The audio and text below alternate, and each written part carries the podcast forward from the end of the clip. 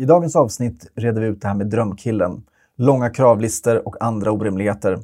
Vi pratar om sexdejter som blir romance och det här med att inleda en konversation med söker? frågetecken. Sexperternas podd innehåller bögerier, snusk och fula ord. Om det känns jobbigt så sluta lyssna nu.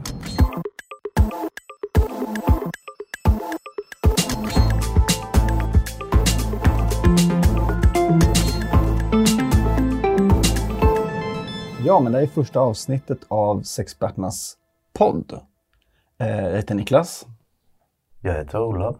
Jag heter Jon. Och jag heter Emil. Och vi gör Sexperternas podd som en del utav eh, återlanseringen av Sexperternas datingbok som vi skrev 2017. Vad är det för bok då? För den som inte vet om. Sexperternas datingbok är din vän i datingdjungeln. Eh, vi skrev den för att vi upplevde att det var många som hörde av sig med frågor kring dating. Absolut. Det fanns eh, forskning som indikerar på att svenska bögar vill veta mer om dating. Mm. Och vi såg också att det fanns en hel del datingböcker på marknaden som var helt hopplösa. På väldigt olika sätt. Och inte riktade in sig på just vår målgrupp kanske? Dels det, men det var ju väldigt mycket fokus på antingen att man skulle bli en bättre människa, så här, gränsar åt självhjälpsböcker. Mm. Eh, tycker vi inte om. Sen fanns det mycket som handlade om att man skulle då, ens enda mål var liksom att gifta sig och skaffa en relation. Mm. Eh, och att det var en känsla av att, eller en kombination av de, av de olika. Och det kändes inte så jäkla fräscht överlag. Och det kändes inte som att det var, det var ingen av de böckerna skulle jag plockat upp. Jag tror inte någon av mina vänner skulle plocka upp dem. Mm. Och i och med att vi har jobbat med, eh, med queeras hälsa och liv på olika sätt. Vi har ju haft eh, liksom olika chattar och vi möter målgruppen och vi märker att det finns ett jättestort behov. Och då tänkte vi så här, men då gör vi det. Då skriver vi en datingbok. Så då intervjuade vi 26 stycken, tror jag, i slutändan. Eh, För att få veta så här, hur tusan ska vi skriva en datingbok den här målgruppen. Och de intervjuerna blev helt enkelt grunden för den här boken. Och nu är det podd. Varför det? Alla tycker inte om att läsa böcker. Det var det, det första, tänker jag. Eh, poddformatet tycker jag också är, är roligt för att det är ju, ger lite andra perspektiv. Jag menar, nu var jag med och skrev boken, men flera av er har ju inte gjort det. Just det. Eh, då kan ni ju säga så här, men vad fan Niklas, ni är ju, du är ju helt dum i huvudet. Jag håller inte alls med det här. Det här är ju ett jättekonstigt budskap. Eller vadå en sån här baka en chokladkaka dejt? Vad fan det skulle jag aldrig göra. Det är mycket roligare med det här. Så att det blir ett plattform för att vi kan sitta och inte vara helt överens heller. Och sen så tänker vi väl också lite framöver i kommande avsnitt så att vi bjuder in andra gäster. Så det blir ännu lite fler röster som hörs. Ja, absolut. Så beroende på vilket tema det är och så vidare så kommer vi köra på det. Jag kan säga också att boken finns ju tillgänglig, eh, i alla fall i Stockholm, gratis eh, att hämta på RFSL Stockholm. Men den finns också att titta på som på e-bok. Och då går man in på sexperterna.org datingboken. Sexperterna.org datingboken. Så finns den där gratis att läsa. Den första frågan man får ofta på nätet, till exempel, Vad söker du? ja, inte med så många ord. Söker? Frågetecken. Söker. Söker. Precis. Ställ den frågan till dig själv. Vad söker jag? Ja, vad är svaret på det? Inte vet jag. Ja, det varierar ju från person till person. Eller du frågade mig personligen. Mm. Vad söker jag? Eh, sinnesfrid? Nej. Gud, det vore något. Sök, Nej. s- söker är ju svårt, därför att jag menar, man söker väldigt olika saker, vilket humör man är på, vilken tid på dygnet det är. Eh, Var man är någonstans i livet. var man är någonstans i livet. Men kortsiktigt, jag menar, om man messar en, en person klockan 23.30 en tisdag med söker, så tänker jag att man läser det som att personen är kåt och vill knulla. Eller? Ja, fast ännu mer 03.15 lördag natt. Då är det ju kanske inte liksom de här långa samtalen man är ute efter. Nej, det är bra. spontant. Man får anpassa sig lite efter situationen. Precis. Mm. Håll det kort och gå på knullet. Jag tänker, ja, men det, det, det är väl det man tänker att det alla söker om man är inloggad där vid den tiden. Mm. Om man inte jobbar natt. Om man inte jobbar natt. Mm. skulle säga normkritisk. Ja, Om man inte sitter inne. Tack för den inputen. Sitter på anstalt och kan inte sova. Precis. Har man inte tillgång till appar heller. Har man inte? Gud så hemskt. Men jag kan ändå tycka att så här, söker, det, ah, okay, det kanske inte öppnar upp för jätteintressanta svar. Eller så här, söker man olika saker så får man väl någonstans kommunicera det. Och det är kanske inte en superrolig fråga, men det är ju ändå en rimlig, det är en rimlig början, tänker jag. Det blir ju en första sållning i så här, ah, okej, men signalerar du att du verkligen vill något helt annat än vad jag vill, då vet man det och så kan man släppa det och gå vidare. Eh, så det är ju inte så konstigt att det är en standard öppningsfråga. Det är Eller- en jätterimlig utgångspunkt. Ja. Då tar man ju reda på, så här, ja, söker du sex eller söker du relation eller vet du inte vad du söker? Ja. Eller söker du både och. Ja, för någonstans det kan jag tycka är ganska intressant just på apparna överlag. Att, att det finns en förväntan någonstans att man ska veta vad man söker. Jag tänker att det är så otroligt beroende på vilket humör man själv är på, men också så här, vem är det som hör av sig? Man kanske har helt olika liksom, kravspecifikationer för, en, för ett ligg mot en pojkvän till exempel. Och då är det ganska omänskligt att känna att man ska börja bestämma sig. Okej, nu hör den här personen av sig. Ja, den här personen tittar, tittar, tittar. Ja, men det är nog pojkvänspotential på den. Medan ja, den här personen är men, snygg men tråkig, så det, hon kan vi knulla då. Mm. Det är ganska orimligt att, att ha det liksom, att det är bestämt. Men folk verkar ha en uppfattning om att man antingen är en person som söker relationer eller så är en person som söker sex. Just det. Och där tänker jag att datingboken förhoppningsvis kan vara hjälpmedel till oavsett om du söker sex eller dating. Eller båda och. Eller både och. Att man inte, inte det är en av, en av grundpoängen att du behöver inte bestämma dig. Utan eh, i och med att det kan förändras då, tid på dygnet, över tid, var man är i livet. Nu sitter du och ler. Alltså jag tänker om att tänka på en, en vän till oss som berättade, det är en tjej som, som eh, vi känner som eh, var lite sådär, jag chattade med en annan tjej och sa typ Ja, men skulle du vilja träffas över en kaffe på fredag kanske? Och den här andra tjejen säger, alltså, alltså nu vet inte jag, alltså känns som att vi liksom, det här blir väldigt seriöst, jag är inte på det, det stället i livet. Och då säger vår kompis, eh, ja men vad säger du om en pava vin och ikväll? Och fick ja. Mm. Så det är olika signaler. Uppenbarligen liksom. Och sånt är alltid spännande att, att det betyder, de här koderna betyder olika saker. I flatvärlden var följ med hem på en kopp te var ju återkommande. Det är väl motsvarande till bögarnas Netflix and chill antar jag. Eh, och där kan vi säga, betyder det bokstavligen så här, vadå, försöker knulla, vi ska kolla på Netflix. Medan andra är, börjar ligga strax efter introtexterna. Mm. Men är Netflix and chill, är det bö- bögarnas? Jag trodde det var allmänt. Ja, det är allmänt.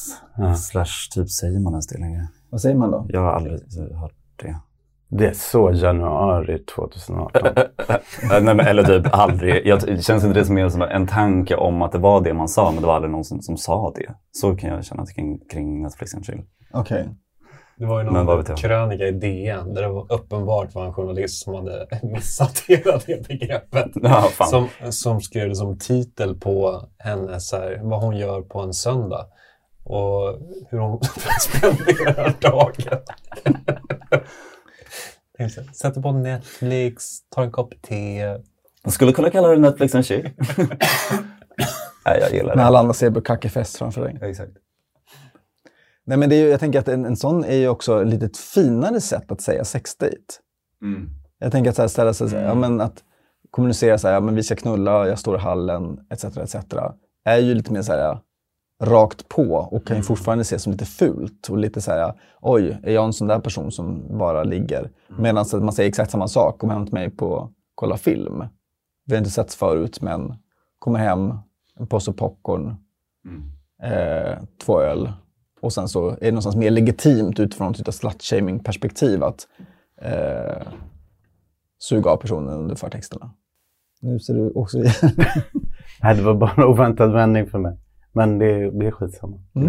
Uh, men jag tänker att det är motsvarigheten också till vill du följa med upp på en kopp, kopp kaffe. Alltså om man har bara gått samma väg ifrån vart man än träffades liksom. Och det är inte kaffe det handlar om. Alltså det är väl samma sak. Så. Te, kaffe. Vill du följa med till mig och dricka lite absint? Men det är ju mycket roligare och mycket rimligare Titta på, att säga. titta på mina 20-talsetsningar. Ja, Okej, där kanske du tappade mig. Men absinten, jag är på.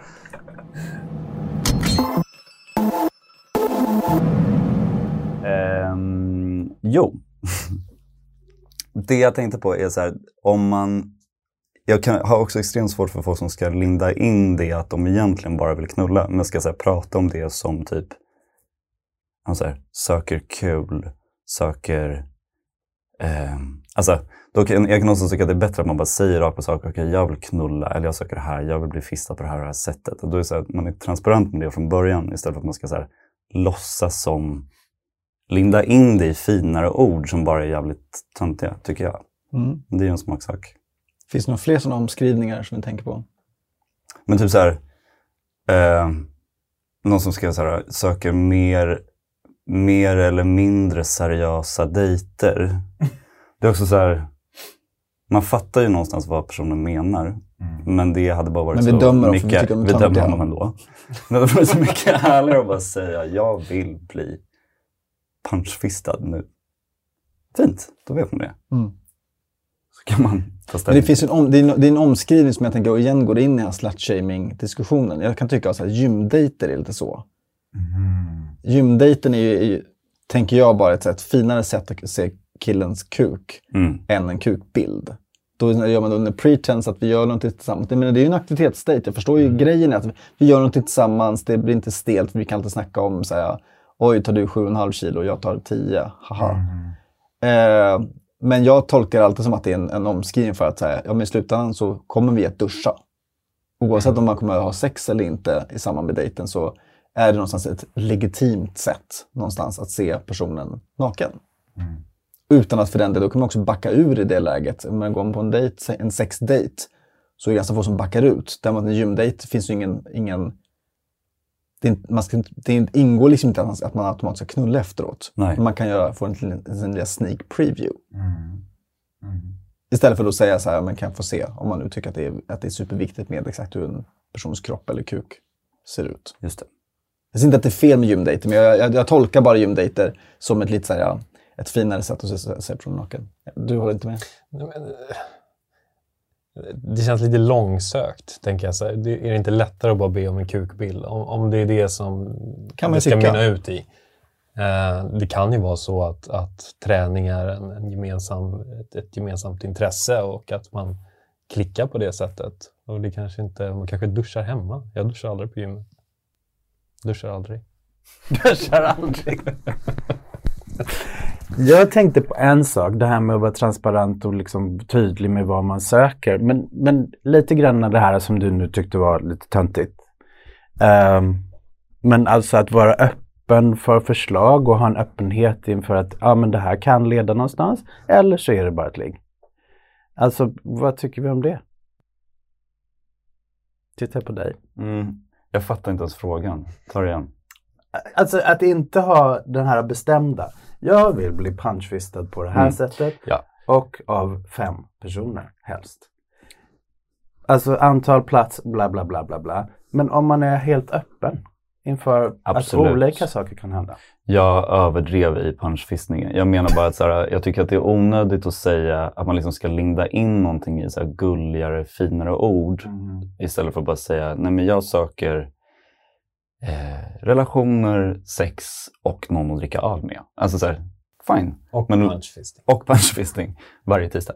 Men alltså att säga liksom då, använda så här kul, mindre seriösa dejter. Alltså, bara, varför kan du inte bara säga sex rakt ut? Jag tycker att det är en så... Du gillar eh, konkretion.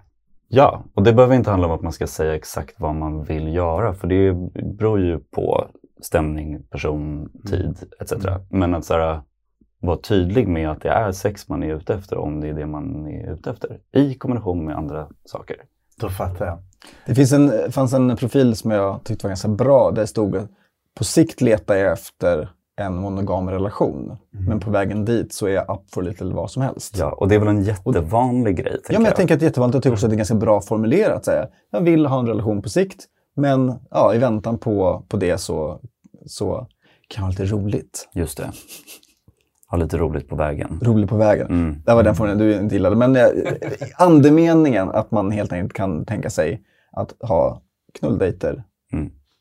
till ständer och att vara öppen för att knulldejten kan vara någonting annat. Men någonting är ju Jon på spåren där, att så här, tråka inte ut folk. Tack. Sätt lite så här konkretion i orden. Så att man, ja, Mm. fattar. Ja men exakt, för det, för det som du är inne på, det du inte säger är ju att man ska behöva spesa allting. Nej.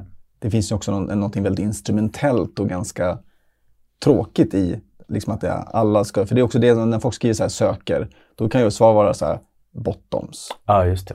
Eller söker någon som kan göra den här sexuella praktiken. Liksom. Ofta blir det ju, folk är väldigt specifika i vad man gillar och det är väl bra att man vet vad man tycker om. Men det blir också ganska begränsande och hämmande i det om man har, man har en lista på saker man ska göra. Liksom.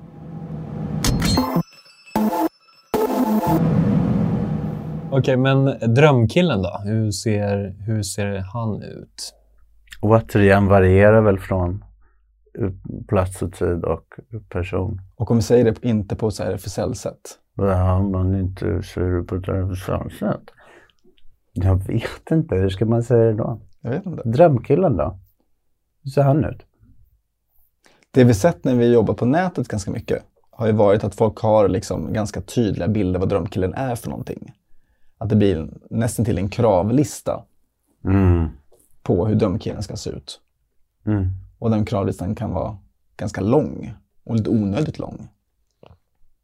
Och blir lite grann begränsande i slutändan. Men jag har en drömkille. Eller så här, jag skulle... Eh, fram tills senaste säsongen av Gift vid första ögonkastet så var jag, hade jag en liksom 100-procentig grej om att eh, jag bara ville dejta personer som var ungefär lika långa som jag och jag är ganska lång. Och sen så var det så här, ja men folk bara, fy fan det är det sjukaste jag har hört, det är helt orimligt. Bara. Jag tyckte inte det, men sen så såg jag då en av deltagarna i Gift vid första ögonkastet som berättade om när hon var på dejt med en kort kille och fick verkligen så här, ja men hon berättar om hur hon får någon sorts så här, hon blir superstressad, får typ nervösa ryckningar i hela kroppen när hon ser hur kort den här personen är. Hon bara, hur, alltså, det, det var så pinsamt att höra henne berätta om det här och då fattade jag, jag så här asgarvar åt henne och inser samtidigt att gud, det är ju jag. Så det blev någon sorts vändning i mitt liv. Eh, vändning i mitt liv, det här hände för en vecka sedan. Men det var, jag började känna att det är helt orimligt att ha en så Alltså ha det som en så tydlig sållningsgrej eller filter. Att så här, nej, men är du inte över 1,85 så blir det inget. Men det där känner jag igen från eh, några tjejkompisar. För att mina långa tjejkompisar, de har ju varit helt obsessed med att killarna de ska dejta ska vara längre än vad de är. Och då måste de också tänka på att de har klackar dessutom. Så att eh, är en tjej på 1,80, ja då är hon 1,85, 1,87 med klackar. Så då är kravet på 1,90. Och Jag skällde ut en av mina bästa kompisar på det. Och så här, att det här var en helt orimlig situation. Att, att du tycker att du inte hittar någon att bilda familj med. Och samtidigt så är det någon typ av ganska så här straight föreställning om att tjejen ska vara kortare. Den känslan att man ska vara lite petit liksom. Riktigt svårt måste det vara för RuPaul. Som har klackar och hår. Klackar och hår, så här 260 antagligen.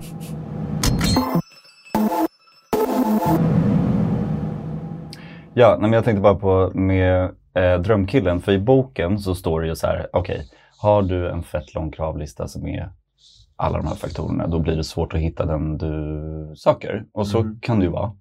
Men, och då är liksom tipset, om du bantar din kravprofil så blir det enklare att hitta den du vill ha. Men då, eller så väljer man bara att ligga med många eller träffa flera olika samtidigt som tillsammans blir den perfekta drömkillen. Ah! Sjukt eh, bra tips. Nej men jag tyckte bara att boken var lite Sjukt bra väl, tips.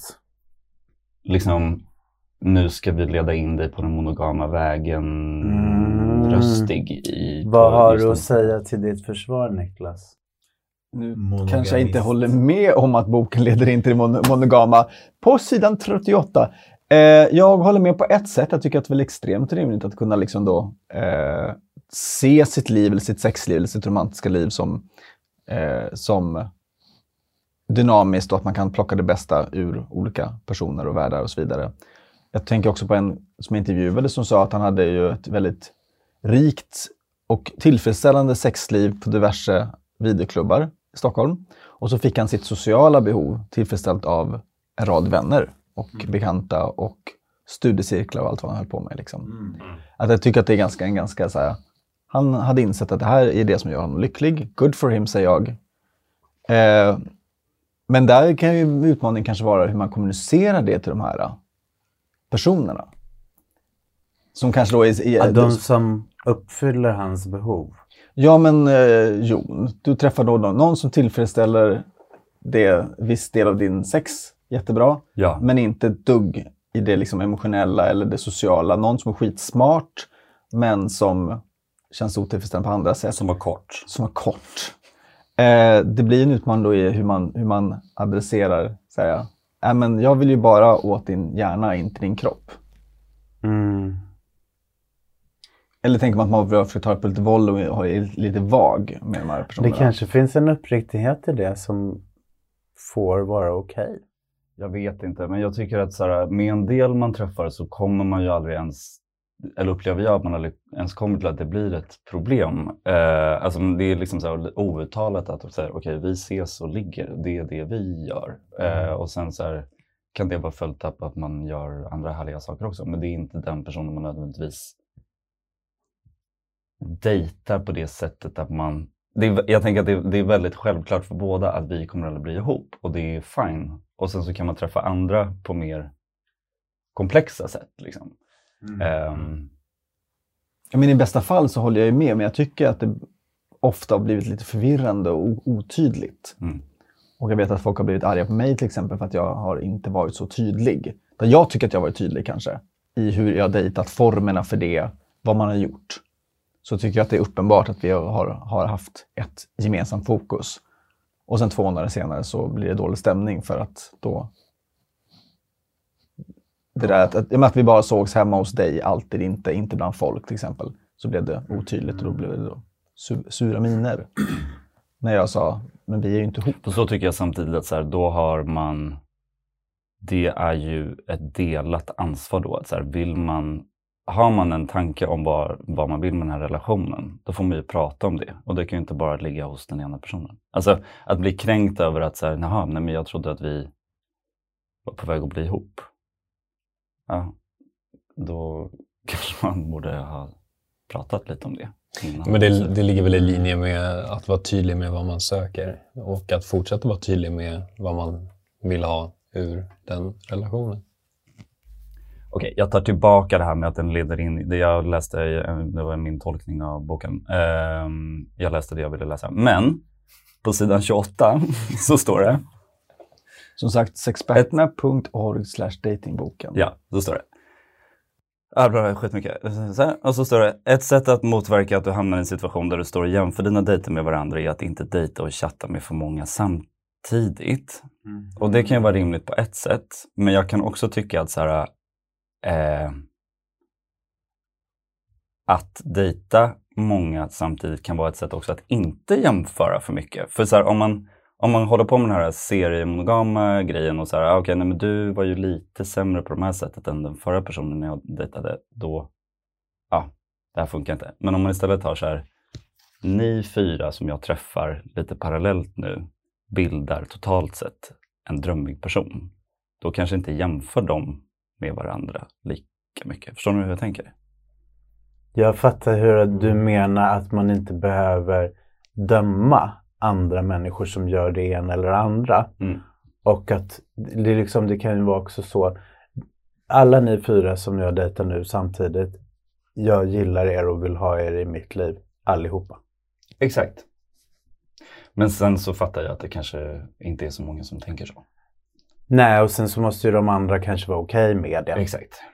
Det är en ingång i, i att det blir bra. Jag ville bara kritisera boken lite. Ja, men det var jättebra.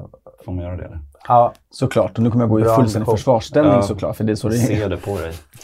Helt Nej, men jag tänker att eh, det, det, vi, det vi pratade om när vi skrev boken och det skrev här, den här delen handlade om att eh, vi har upplevt att det finns en tendens kanske att man då dejtar ganska många för att slippa inte slippa ett ansvar, men slippa någonstans känna någonting. Att det är någonstans lättare någonstans att, lä- att inte lägga alla ägg i en korg utan att sprida ut det så mycket som möjligt.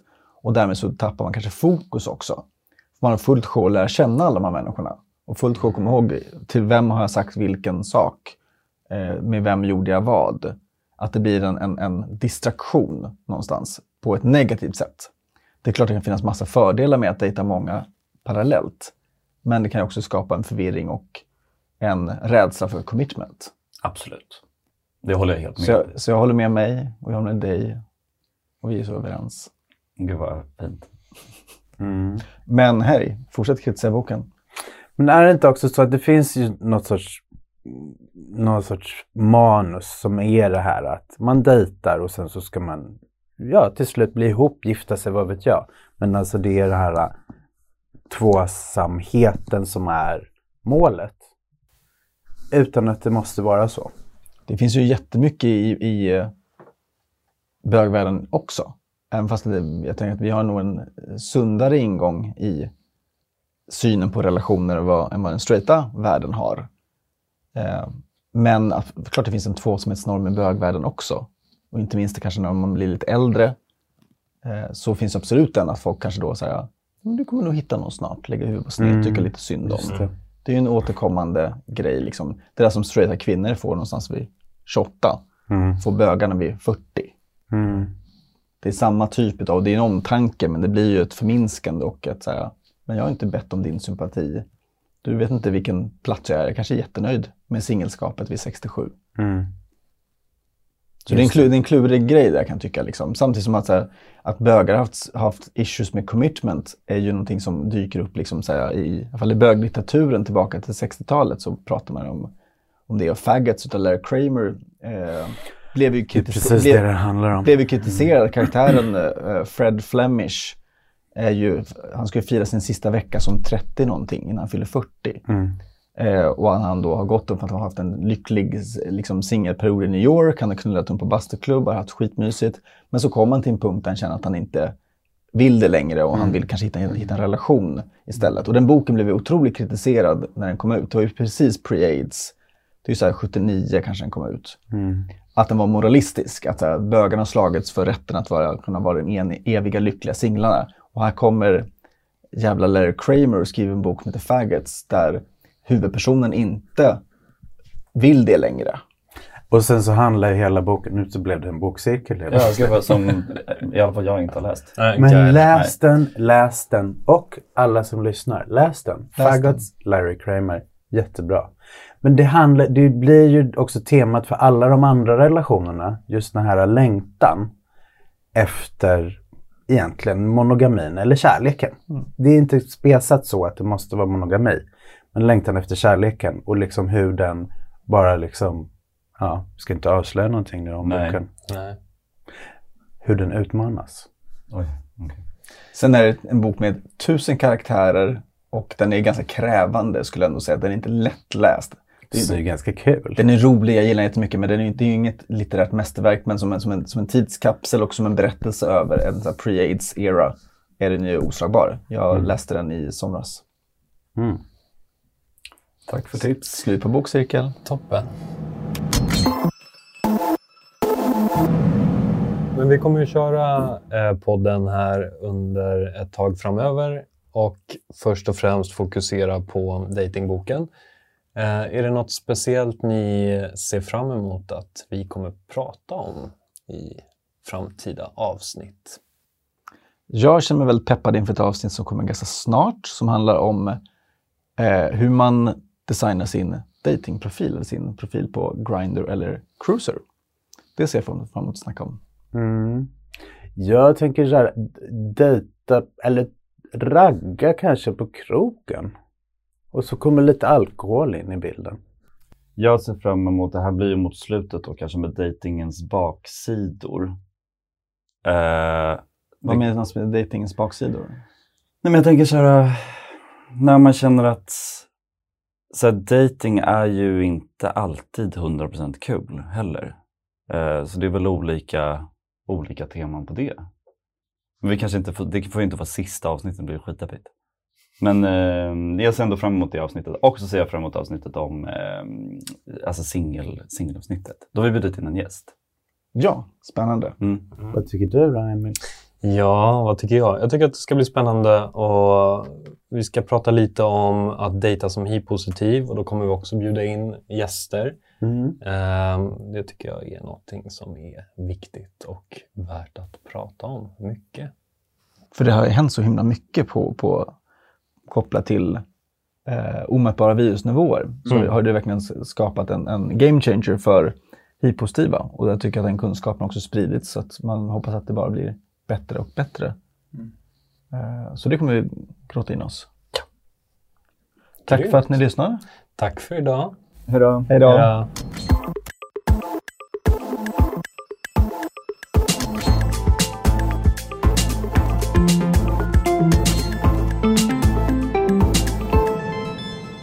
Det här var en podd från Sexhälsan på RFSL Stockholm.